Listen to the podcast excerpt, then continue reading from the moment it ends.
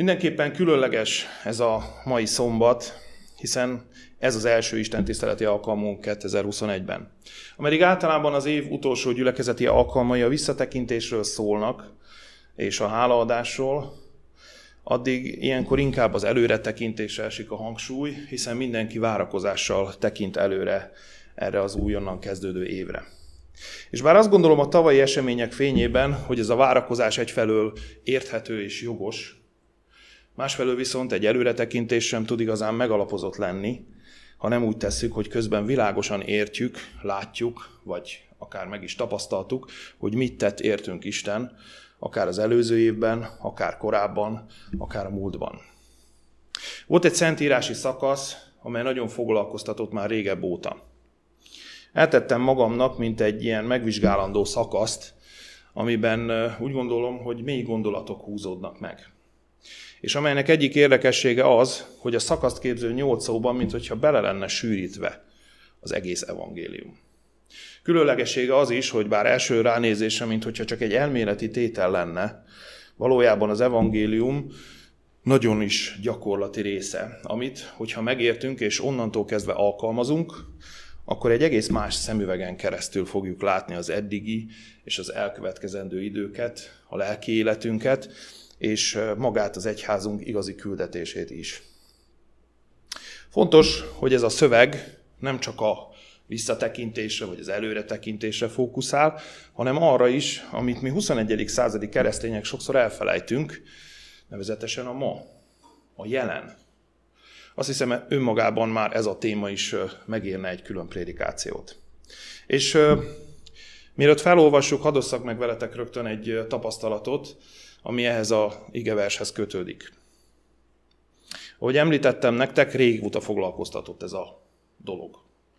Amikor azonban Biari testvér felkérte a január másodiki szolgálatra, és realizáltam magamba, hogy ez lesz az év első, és ha lehet így fogalmazni, évkezdő Isten tisztelete, akkor jöttem rá, hogy ennél jobb alapigét talán kerestve sem tudnék találni ehhez az alkalomhoz. Nyissuk ki közösen a Szentírást, a zsidókhoz írt levél 13. fejezet 8. versénél. Tehát a zsidókhoz írt levél 13. fejezetének a 8. versét fogom olvasni az új fordítás alapján. Jézus Krisztus tegnap és ma és mindörökké ugyanaz.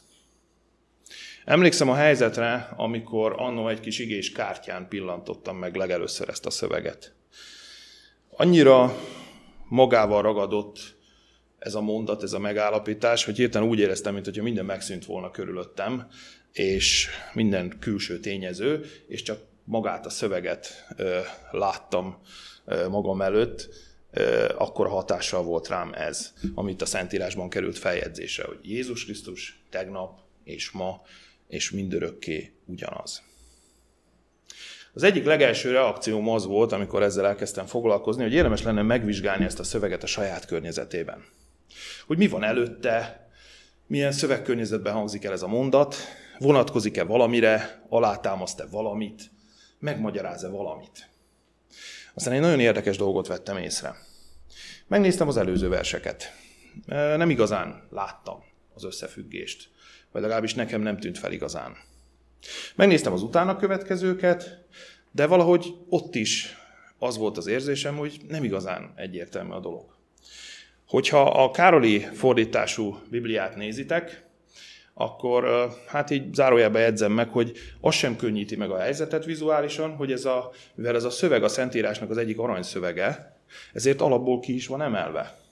Így eleve nyomda technikailag is elkülönül egy picit az előtte és az utána lévő szövegektől.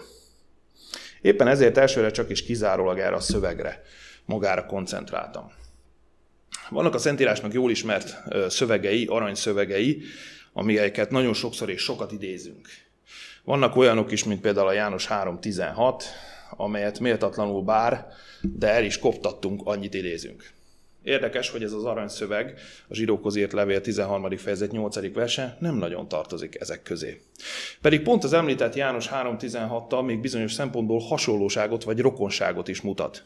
Ugyanis nem véletlen, hogy a János 3.16-ot úgy el szoktuk csépelni.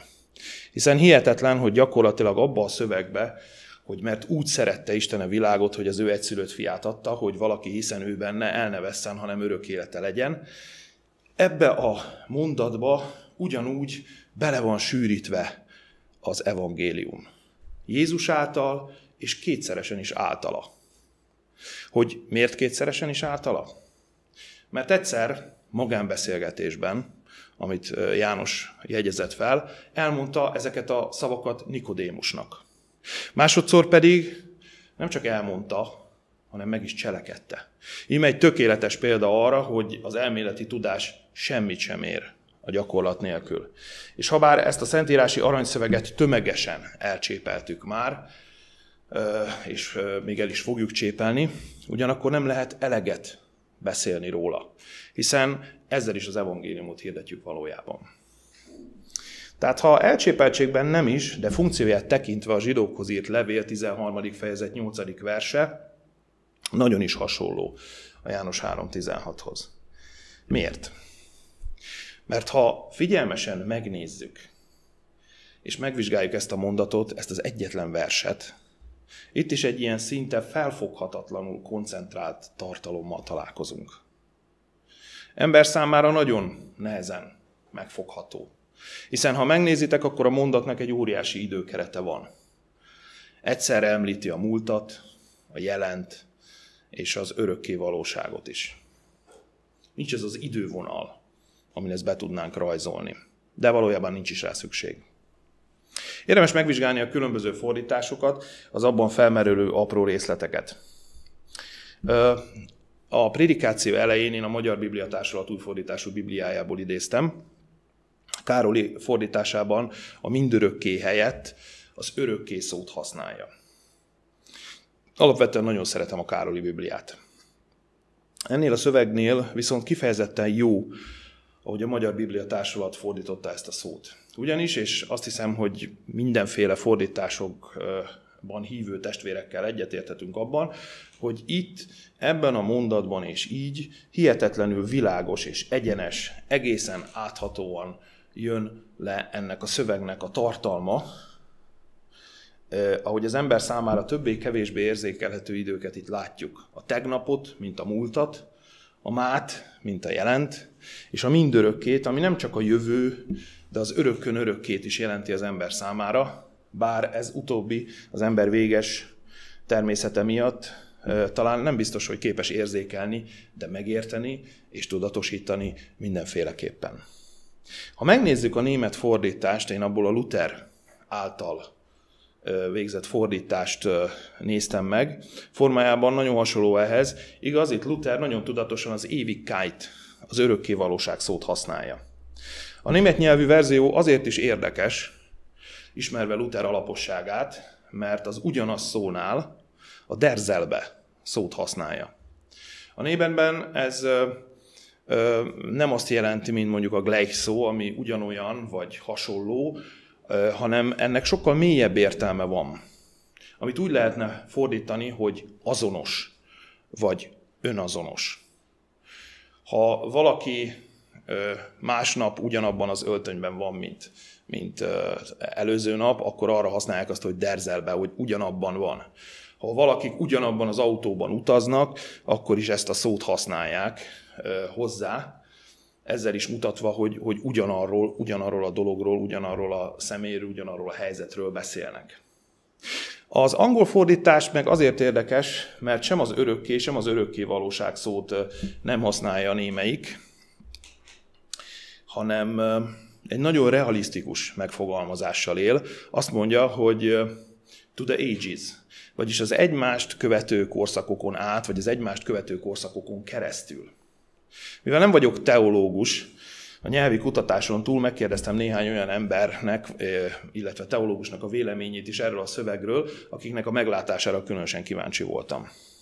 Egyfelől az érdekelt, hogy miért érzem úgy, hogy ez a szöveg, mintha egy kicsit kilógna a szövegkörnyezetből, Másfelől pedig kíváncsi voltam arra, hogy a magyar, a német, az angol nyelven túl esetleg az eredeti görög szövegben található-e olyan nyelvi elem, ami esetleg segíthet megvilágítani, vagy, vagy tud-e mutatni egy olyan töbletet, mint a Károli Luteri vagy az angol fordítás. Kezdjük az utóbbival. A válasz az, hogy nem. Hála Istennek a fenti fordítások teljesen hűen adják vissza az eredeti szöveg minden egyes elemét, ezzel tehát nem jutottam előrébb. Azt azonban, hogy miért is olyan különálló ez az aranyszöveg, sikerült megfejteni, amit szeretnénk megosztani veletek. Egyedül ugyanis az angol szövegben volt látható a szerkesztői szándék, hogy a nyolcadik verset valahogy besegítsék. Látszik gondolatjelekkel, kettős ponttal, az azt megelőzés után a következő szakaszok közé próbálták valahogy logikailag betenni. Ugyanakkor minden más fordításban szereplő nyolcadik vers valóban kicsit kilógott a sorból, mint hogyha logikailag nem nagyon tartozna a többi vershez. Ez persze egyáltalán nem azt jelenti, hogy az angol fordítású Bibliát mostantól dobjátok ki, cseréljétek le, akinek esetleg van, ez nem erről szól. Nyilván az akkori szerkesztők is érezték ennek a picit talán nem odaillő mondatnak a súlyát, és próbálták valahogyan beilleszteni nyelvtani eszközök segítségével. Csak hogy a helyi gyülekezet tagjaihoz is szóljak, amikor végképp úgy éreztem, hogy még az is lehet, hogy én vagyok az egyetlen ember ezen a földön, aki nem látja itt az összefüggéseket. Felhívtam Erdődi testvét is, hogy te Péter, szerinted nem lóg egy kicsit ki ez a szöveg itt ebből a szakaszból? Nem olyan, mint hogy ez a szöveg lógna a levegőben. Péter nagyon korrekten kért egy kis időt, hogy utána nézzen ennek, majd felhívott, és azt mondta, hogy de, lóg a levegőben. Aztán az ATF egyik tanszékvezetőjét, Kormos Eriket is megkérdeztem erről a szövegről. Végül Erik segítségével sikerült kideríteni, hogy miért is lóg ez a szöveg a levegőben, és egy másik jövőben mutató dolgot is megtudtam, aminek nem biztos, hogy sokan fognak örülni. A kérdésre az a válasz, hogy miért lóg ez a szöveg. A szövegkörnyezetből az az, hogy a Jézus Krisztus tegnap és ma és mindörökké ugyanaz, egy ugyanilyen, ugyanolyan ókeresztények között elterjedt, vagy őskeresztények között elterjedt üdvözlési forma volt, mint a jól ismert maranata.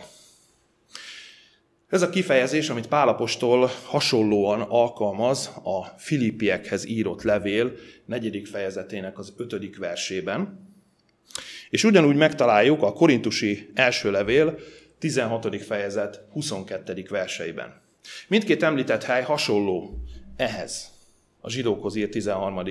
fejezet 8. verséhez, hiszen mindhárom szöveg az apostoli levelek záró részében helyezkedik el. Itt, vagyis a zsidókhoz írt levél záró sorai között Pálapostól, mint egy záró rendelkezésként írta, és tette be ezt az amúgy nagyon fontos üzenetet, ezt az üdvözlést, tartalmazó mondatot is, ami teljesen ismert és használt volt az, az akkori ókeresztények vagy őskeresztények között. Erik azt is megerősítette nekem, hogy biztos nem segít az, hogy a szöveg ki van emelve aranyszövegként, így vizuálisan is kiugrik a szövegből első ránézésre is. És akkor jöjjön a rossz hír. Mondta, hogy a következő verziói magyar fordítású Bibliában várhatóan nem lesznek aranyszövegek, és így kiemelések sem.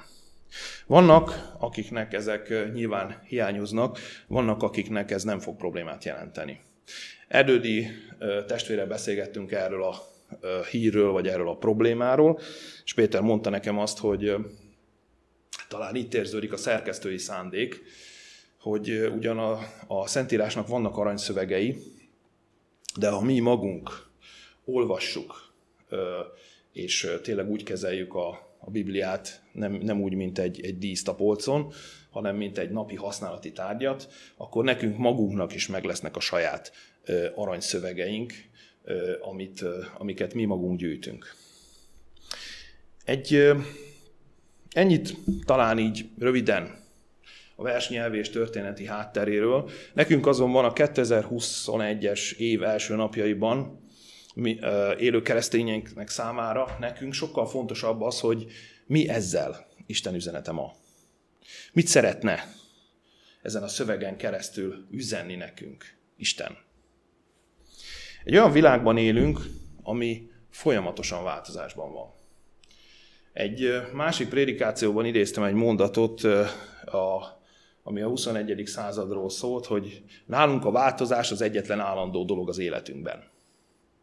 És valóban, még 2020 elején is látható volt a világjárvány miatt, hogy az amúgy is folyton változó életünk kap még egy, az egész bolygó összes lakosára kiterjedő újabb bizonytalansági tényezőt a pandémián keresztül. Amúgy is sok minden bizonytalanná vált mára, ami bennünket körülvesz, de bizonyára nem árulok el nagy titkot azzal, hogy még 2021-ben sem biztos, hogy tisztában fogunk tudni látni akár általánosságban, akár mondjuk a világjárvány tekintetében. Éppen ezért fontos, hogy mit mond akkor ez a szöveg nekünk. Mit üzen ennek az évnek az elején. Ha megnézitek a szöveget, végigolvassátok. Mi az első, ami eszetekbe jut? Nekem a stabilitás. Pontosan az, ami hiányzik. Hiányzik ebből a mostani világból. A másik, ami nagyon fontos és eszembe jut, amikor elolvasom ezt a verset, hogy ez a mondat egy nagyon erős józanságot sugal. Hogy józanul kezeljünk és értékeljünk mindent, ami fel fog merülni ebben a következő évben, és még akár azon túl is. Biztosan emlékeztek arra a sürgős üzenetre, ami egy több éves videó volt Ted Wilson testvértől. Az adott helyzetben sokan elküldték, továbbították, és biztos vagyok benne, hogy, hogy mindenki jó szándékkal tette ezt, mire kiderült, hogy, a, hogy ez nem a mostani helyzetre vonatkozik, és nem is idén készült, hanem 7-8 évvel ezelőtt. Ugyanígy rengetegen kezdték el tagadni például magát a járványt, magát ezt a betegséget is. Sokan azt gondolták, hogy itt a média felfújta a dolgokat, és tudjuk azt, hogy a szomorú következmények nem is maradtak el. Még jó, hogy az egyház folyamatosan ugyanerre a józanságra intett, és az is nagyon örvendetes volt, hogy akár gyülekezetileg, akár egyénileg mindannyian felül tudtuk vizsgálni, és felül is vizsgáltuk a járvány miatt kialakult helyzetben, hogy mi lehet Isten akarata és szándéka az ő népével itt és most. Nem kell érzelmeken alapuló döntéseket hoznunk. Nem kell átgondolatlanul cselekednünk, hiszen ha keresztényként éljük az életünket, akkor az egy hatalmas ígéret biztosíték nekünk, hogy Jézus Krisztus tegnap és ma és mindörökké ugyanaz. Hogy az a Jézus Krisztus, akiben mi hiszünk, ugyanúgy támogat bennünket, és ugyanúgy jelen lesz az életünkben, ahogyan tegnap is ott volt, aki ma is ott van, és aki holnap is ott lesz. Annyi minden változik körülöttünk, de az ő kitartása, szeretete és gondoskodása állandó. Nem tudom, hogy néztétek-e, hogy egy nagyon érdekes háttért választottunk erre az alkalomra. Sokat gondolkodtunk azon, hogy mi az a háttér, vagy háttérkép, amit ehhez a szöveghez oda lehetne tenni. Végül egy, egy feltaláló barátom hívta fel a figyelmet erre a képre, amit szeretnénk nektek így magában is megmutatni és elmagyarázni, hogy mit látunk. Hát ez talán furcsa lesz, azt kell, hogy mondjam, amit itt látunk, az 2953 hajnal és naplemente. Nyolc év. Ez a világ leghosszabb olyan exponált felvétele, vagy expozíciós felvétele, ami valaha a világon készült. Eddig a rekordot egy négy éves felvétel tartotta, ez nem rekordkísérletnek, hanem egy ilyen megfigyelésnek indult. Egyszerűen elfelejtették, hogy ott van az a kis kamera, amivel ezt a felvételt készítették, és nyolc év múlva találták meg. És addig egy obszervatóriumba London mellett, és addig 2953 felvételt készített. Azért gondoltam, hogy ez a kép talán egy picit segít abban, hogy megértsük, hogy mit tesz értünk Isten. Amit itt látunk, az csak 8 év. Az csak 2953 nap.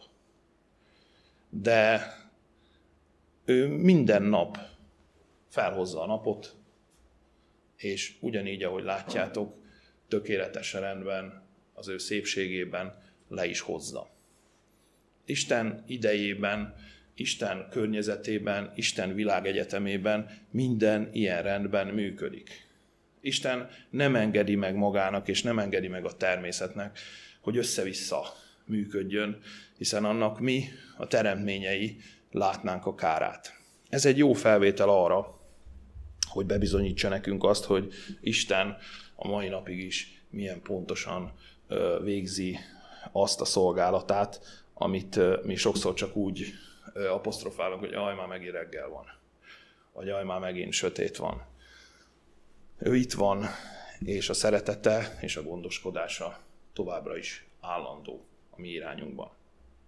Ezért is érdemes tudatosan élni a zsidókhoz írt levél 13. fejezet 8. igeversének a látásmódján keresztül. Nemrég beszélgettem valakivel a gyülekezetbe, és biztos tudjátok, hogy ilyenkor karácsony környékén mindig egy picit megosztottá válik a gyülekezet a karácsony kérdésében, és úgy tűnik, mintha mind a két tábornak igaza lenne. Az egyiknek azért, mert azt mondja, hogy a, karácsonynak ismerjük a hátterét, és hát az, az nem túl jó.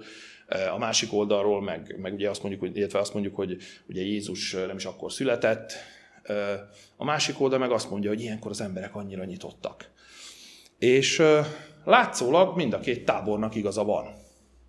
Látszólag mind a két tábor jót mond. És ez így van. Akkor miért alakul ki a vita emiatt? Hát azon egyszerű oknál fogva, mert hogy nem ugyanarról beszélünk. Attól még, hogy tisztában vagyunk vele, hogy a, a karácsony ö, hogyan alakult ö, az évek során, akit egyébként érdekel, azt szerintem a YouTube-on megtalálja Szabó János testvérnek a nagyon jó prédikációját ezzel kapcsolatban, ami, aki összeszedi ennek a, a történelmi lépéseit, és hogy minek milyen jelentősége van. Addig sajnos igaz az is, hogy ameddig a karácsonyt a szeretet ünnepének apostrofáljuk, addig az emberek, vagy akkoriban valahogy talán nyitottabbak Istenről beszélni. Aztán, amikor a, a, erről az illetővel beszélgettem erről a kérdésről, akkor azt mondta nekem, meg jól, jól meg is lepődtem rajta, nagyon bölcs mondás volt, hogy nem csak a karácsonykor kellene erre koncentrálni. Ennél sokkal tudatosabban kellene élni az életünket, a mindennapjainkat, akárhogy egy napban mit teszünk vele. Hogyha ez az igevers egyfajta vezérvonallá válna, az nagyon sok nehézségen és próbán keresztül tudna vezetni bennünket. Miért? Mert az a Jézus Krisztus, aki lejött közénk, ugyanúgy szerette és ugyanúgy szánta az emberiséget tegnap, a múltban, és ma is, és mindenökké. Ugyanúgy szeret bennünket. Ugyanúgy érez velünk. És ugyanaz a szeretet vezérli tegnap, ma, és mindörökké. Ezért ugyanúgy velünk is van tegnap és ma és mindörökké. Mert nem volt tőle üres ígéret az, hogy veletek leszek minden nap a világ végezetéig. Vannak emberek, akik megígérnek neked valamit. Vannak, akik biztosítanak -e afelől, hogy minden rendben lesz. Vannak, akik elmondják, hogy minden a megadott ütemben halad, minden kész lesz, minden együtt van ahhoz, hogy egy vállalkozás, egy üzlet, egy elképzelés, egy bármi sikerre vihető legyen. Aztán, ahogy szoktuk mondani, beüt a krach. Ilyenkor elkezdjük lázasan vizsgálni, hogy ki, mikor, miért, hogyan hibázott, tévedett, nem teljesített, stb. És jó esetben rájövünk, hogy nem emberekre kellett volna alapozni az egészet, talán már az első perctől fogva sem. Mert az emberek megváltoznak. Az emberek elállhatnak attól, amiben talán tegnap még megállapodtunk amit leírtunk, amit megbeszéltünk, amire megesküdtünk. De Jézus Krisztus tegnap és ma és mindörökké ugyanaz. Nem lett volna érdemesebb egyből ráalapozni mindent. Ma reggel felkeltem, és az időbeosztásom szerint elkészültem, és indultam volna el amikor beütött a krach. Nem tudtam kinyitni a kaput. Tavasszal, amikor elkezdődtek az online prédikációk, egy ugyanilyen esetbe ütköztem, és emlékszem, hogy Kátai Zolival beszélgettünk arról, hogy a lítium elem nek ugye, ha teljesen kifogy, de egy picit megmelegítjük, akkor, akkor még az utolsó csepp kis energiáját ki tudja adni. És emlékszem, hogy ott és akkor az működött, bár biztos vagyok benne, hogy, hogy Isten segített. Ma reggel ugyanez megtörtént velem, csak most uh, hiába nyomkodtam volna a távkapcsolót, nem volt mit, mert nem találtam meg. Először hívtam Kátai testvért. Hát az ő telefonja sípolt. Így végig gondoltam, hogy körülbelül van másfél óra, tehát ha valaki esetleg eljön, vagy elhoz, vagy stb., akkor még pont odaérek. De hát ez itt nem tudtam elérni. Lakik a, az utcába még egy adventista, a Krisztimi, hát felhívtam őt. Fölvette, és mondtam neki, hogy Imi, nem akarod esetleg a Ráckevé gyülekezetet egy kicsit megsegíteni? Kérdezte, hogy miről van szó. Mondom neki, hogy beragadtam a házba, és, és nem sokára uh, itt kellene lennem a szószéken. És akkor az Imi azt mondta, hogy emlékszel tavasszal, amikor hasonlóan beragadtál ebbe a házba? Mondom, igen. Mondta, hogy na, akkor a Kátai Zoli adott nekem egy távkapcsolót, és azt mondta, hogy soha se lehet tudni. Hát azt hiszem, a soha se lehet tudninak ma jött el az ideje. Úgyhogy nagyon köszönöm mindenkinek, hogy, hogy most itt lehetek, és, és azt hiszem, hogy eh, ha bár emberekről beszéltem, az egész mögött Isten áll. Szóval félünk a bizonytalanságtól, félünk azoktól a dolgoktól, amik beüthetnek, és minden okunk meg lehetne rá.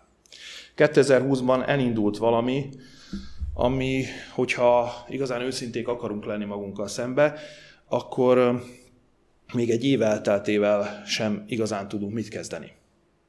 Voltak, vannak ígéretesnek tűnő jó és biztató fejlemények. Vannak intőjelek. Vannak máig megoldatlan és megválaszolatlan kérdések. A rossz hír az, hogy ez, ezek, ezek mindig itt voltak velünk. Ezek mindig elkísérték az emberiséget, függetlenül attól, hogy milyen évet írtunk. A jó hír nekünk, keresztényeknek viszont az kell, hogy legyen, hogy Jézus Krisztus tegnap és ma és mindörökké ugyanaz. Nem a szövegben való hit, a szövegben leírt igazság az, aki és nem ami megtart majd bennünket minden körülmények között, szakadjon bár az ég, ahogy egyszer egy profétanő mondta. Itt állunk tehát a 2021-es év elején. Ködösnek tűnik a jövő? Persze.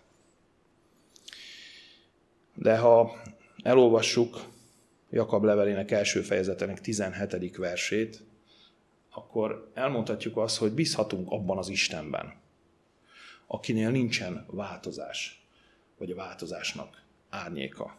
Minden jó dolgot tőle kapunk. Mit jelent a számunkra, hogy Jézus ugyanaz marad? Hogy amit megjelent, amit kijelentett, amit megígért, amit mondott, amit kért, az ugyanúgy érvényes. Malakiásnál azt olvassuk, Malakiás fejezetének a harmadik fejezetének a Malakiás harmadik fejezetének a hatodik versében, hogy mert én az Úr meg nem változom. Ez egy sziklaszilárd kijelentés. És ha ez így van, akkor új megvilágításba kellene kerülnie Jézus szavainak. Van egy angol kiadású Biblia, a Red Letter Edition Bible, ahol az összes Jézus által kimondott szót piros betűvel nyomtatták. Nagyon érdekes, hogy 1899-ben jutott ez valakinek az eszébe, és 1901 óta elérhető ez a verzió, bár tudomásom szerint csak az angol nyelvű bibliákat készítik el így. Vajon mennyivel más szemmel olvasnánk Jézus szavait, hogyha mikor kinyitjuk a Bibliánkat, akkor ott lenne pirossal. Bár azt gondolom, hogy ehhez nem biztos, hogy csak a piros betűk segítenek majd bennünket. Ha csak arról beszélnék, hogy Jézus minden nap velünk van, és gondoskodik rólunk, akkor nem hiszem, hogy többet mondanék, vagy az én igazságom több lenne, mint a népszerűs tévés evangelizátoroknak, akik pont a előző szombatiskolai beszélgetésben meg is említettük, csak a kereszténységnek a szép és áldott oldaláról beszélnek. Mert Jézus nem csak ígért. Ha megnézitek, akkor kért is tőlünk. Sokszor az ígéreteket helyezzük az előtérbe. Szeretük arra gondolni, hogy Jézus betartja az ígéreteit. Az a sok jó, az a sok áldás, az a sok ígéret, az biztos, hogy be fog teljesülni. A kérdés az, hogy rajtunk, vagy rajtunk kívül. De az, aki azt mondta, hogy velünk lesz minden napon a világ végezetéig, az azt is kérte, hogy elmenvént azért tegyetek tanítványokká minden népeket, megkeresztelvén őket az atyának, a fiúnak és a Szentlélek nevében. Az egyházunknak van egy küldetése. Azt hiszem, hogy az utóbbi időben ez a gyülekezet egyre többet tett azért, hogy ráckevei emberek és a településen túl is megismerhessék a ráckevei adventistákat, és remélhetőleg a jó oldalunkról. 2021-ben ugyanúgy folytatni kellene az egyház küldetését, hiszen 2020-ban a pandémia ellenére a gyülekezetből sokan segítettek a figyelmükkel, a támogatásukkal, a segítségükkel másokon, rászorulókon, betegeken, nehéz helyzetben lévő embertársainkon. Sikerült felnyitnia ennek a helyzetnek talán a szemünket, hogy lássuk, hogy hogy élnek körülöttünk az emberek, és hogy szükségük van a segítségre.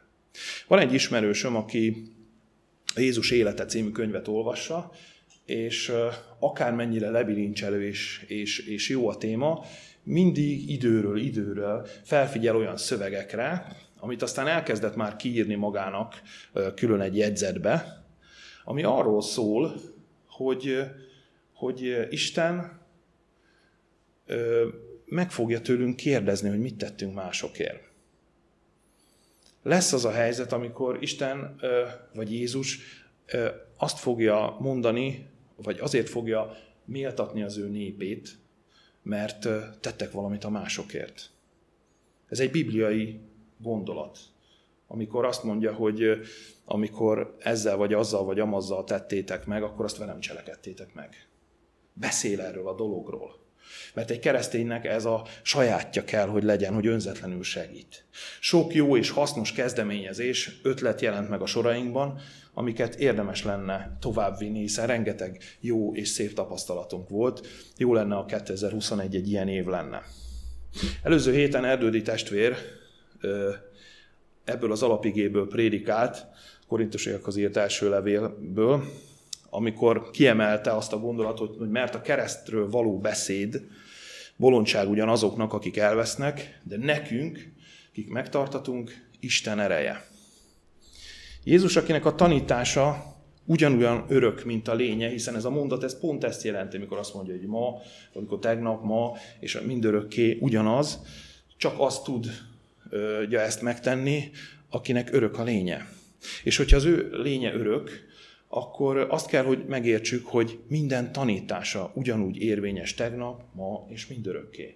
Szeretem a magyar nyelvet, mert vannak olyan szavaink, amik közelebb tudnak vinni bennünket egyes igazságok megértéséhez.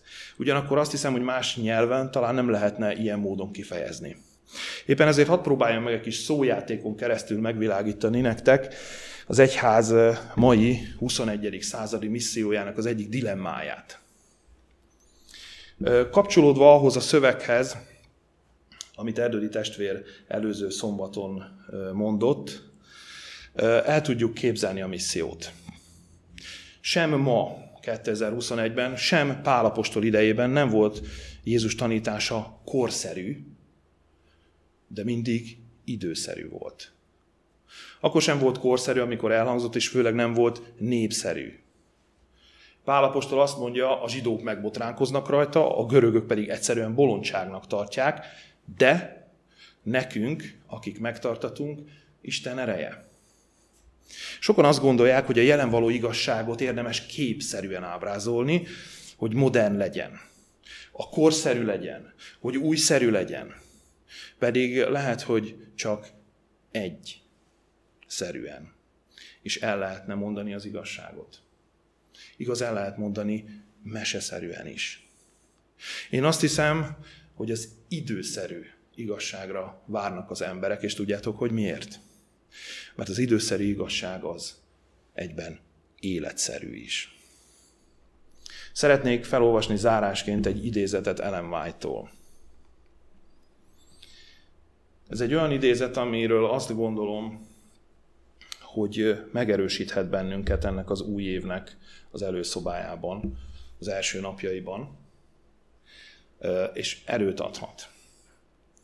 Ellen White azt írja, Krisztus szeretete gyermeke iránt olyan gyengéd, amilyen erős.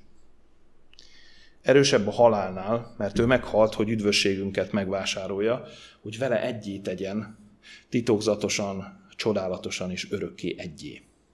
Szeretete olyan erős, hogy uralja minden hatalmát, ő megnyitja a mennynek a kimeríthetetlen forrásait, és felhasználja, hogy a népe javát munkálja vele. És ebben nála nincsen változás, vagy változásnak árnyéka, mert Jézus Krisztus tegnap és ma és mindörökké ugyanaz.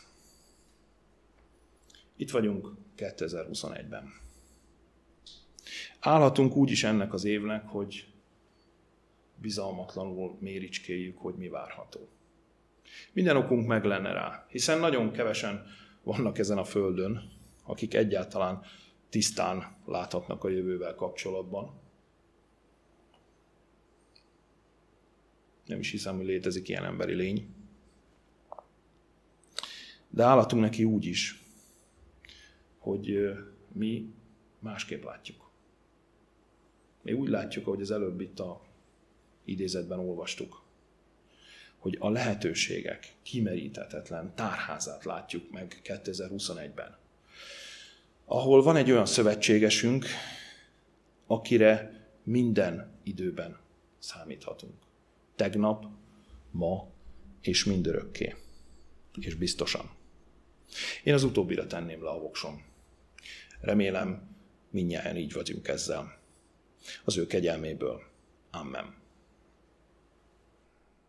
Szerető mennyi atyánk, szeretnénk hálát adni a te népedért, szeretnénk hálát adni azért a sok jóért, amit az előző évben elvettünk a te kezedből, és most ennek az új évnek az első szombatján, amikor megpróbálunk előre tekinteni, amikor megpróbáljuk fürkészni, hogy a 2021 mit hozhat a mi számunkra. Köszönjük azt, hogy van egy biztos szövetségesünk. Van valaki, akinek nem számítanak az évek, nem számítanak a napok, nem számítanak, hogy mi jön. Ő mindig ugyanaz. Rá mindig számíthatunk. Rá mindig támaszkodhatunk. Tőle mindig kérhetünk segítséget. Arra szeretnénk kérni, Atyánk, téged, hogy vezess bennünket ebben az új évben is. Mutatnánk azt, hogy egy határ, amit most átléptünk. Mutatnánk azt, hogy egy új év. Mutatnánk azt, hogy érdekes napok. Mi azonban szeretnénk ezt az időt egy kicsit másképpen számlálni. Szeretnénk tudatosan lelki életet élni. Arra szeretnénk kérni, hogy ebben te segíts meg bennünket. Te vezessél. Látod a te népedet szerte ezen a földön, látod a magyarországi gyülekezeteiket, látsz benne mindenkit egyen-egyenként. És tudjuk azt, hogy te mindenkinek az életében ott voltál tegnap, ma, és mindörökké ott szeretnél lenni. Ahhoz segítsél meg bennünket, hogy mi is ott lehessünk. Segítsél meg bennünket, hogy veled találkozhassunk, láthassuk a mi utunkat, láthassuk a mi céljainkat ebben az évben, és te legyél az, aki megsegítesz bennünket, hogy annak az út végén ott tudjunk találkozni te veled.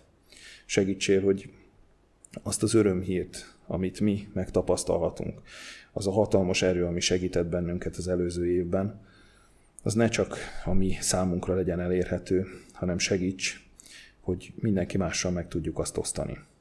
Adjál nekünk alkalmat, hogy ez a gyülekezet be tudja tölteni a misszióját itt, ezen a környéken, a környéken élő emberek számára. Kérlek segíts, hogy tudjunk olyan dolgokat, olyan programokat, olyan, olyan megoldásokat nyújtani az emberek számára, amire szükség van. Az emberek várnak és vágyakoznak a segítségre. Rossz, amikor az ember egymaga próbál valamit csinálni, és milyen csodálatos érzés az, amikor ketten, hárman társul, segíten, társul szegődnek és segítenek. Arra szeretnénk kérni, Atyánk, hogy segíts, hogy rajtunk keresztül mások is megtapasztalhatják a Te erődet, a Te szeretetedet és a Te megváltó kegyelmedet. Köszönjük, hogy meghallgatsz bennünket, és arra kérünk Téged, hogy egyen-egyenként, gyülekezetenként az egész Magyar Egyház és az egész földön lévő népedet vezesd abba az irányba, amire mennünk kell, hogy minél előbb találkozhassunk. A Te kegyelmedből kértük ezt, Atyánk. Amen.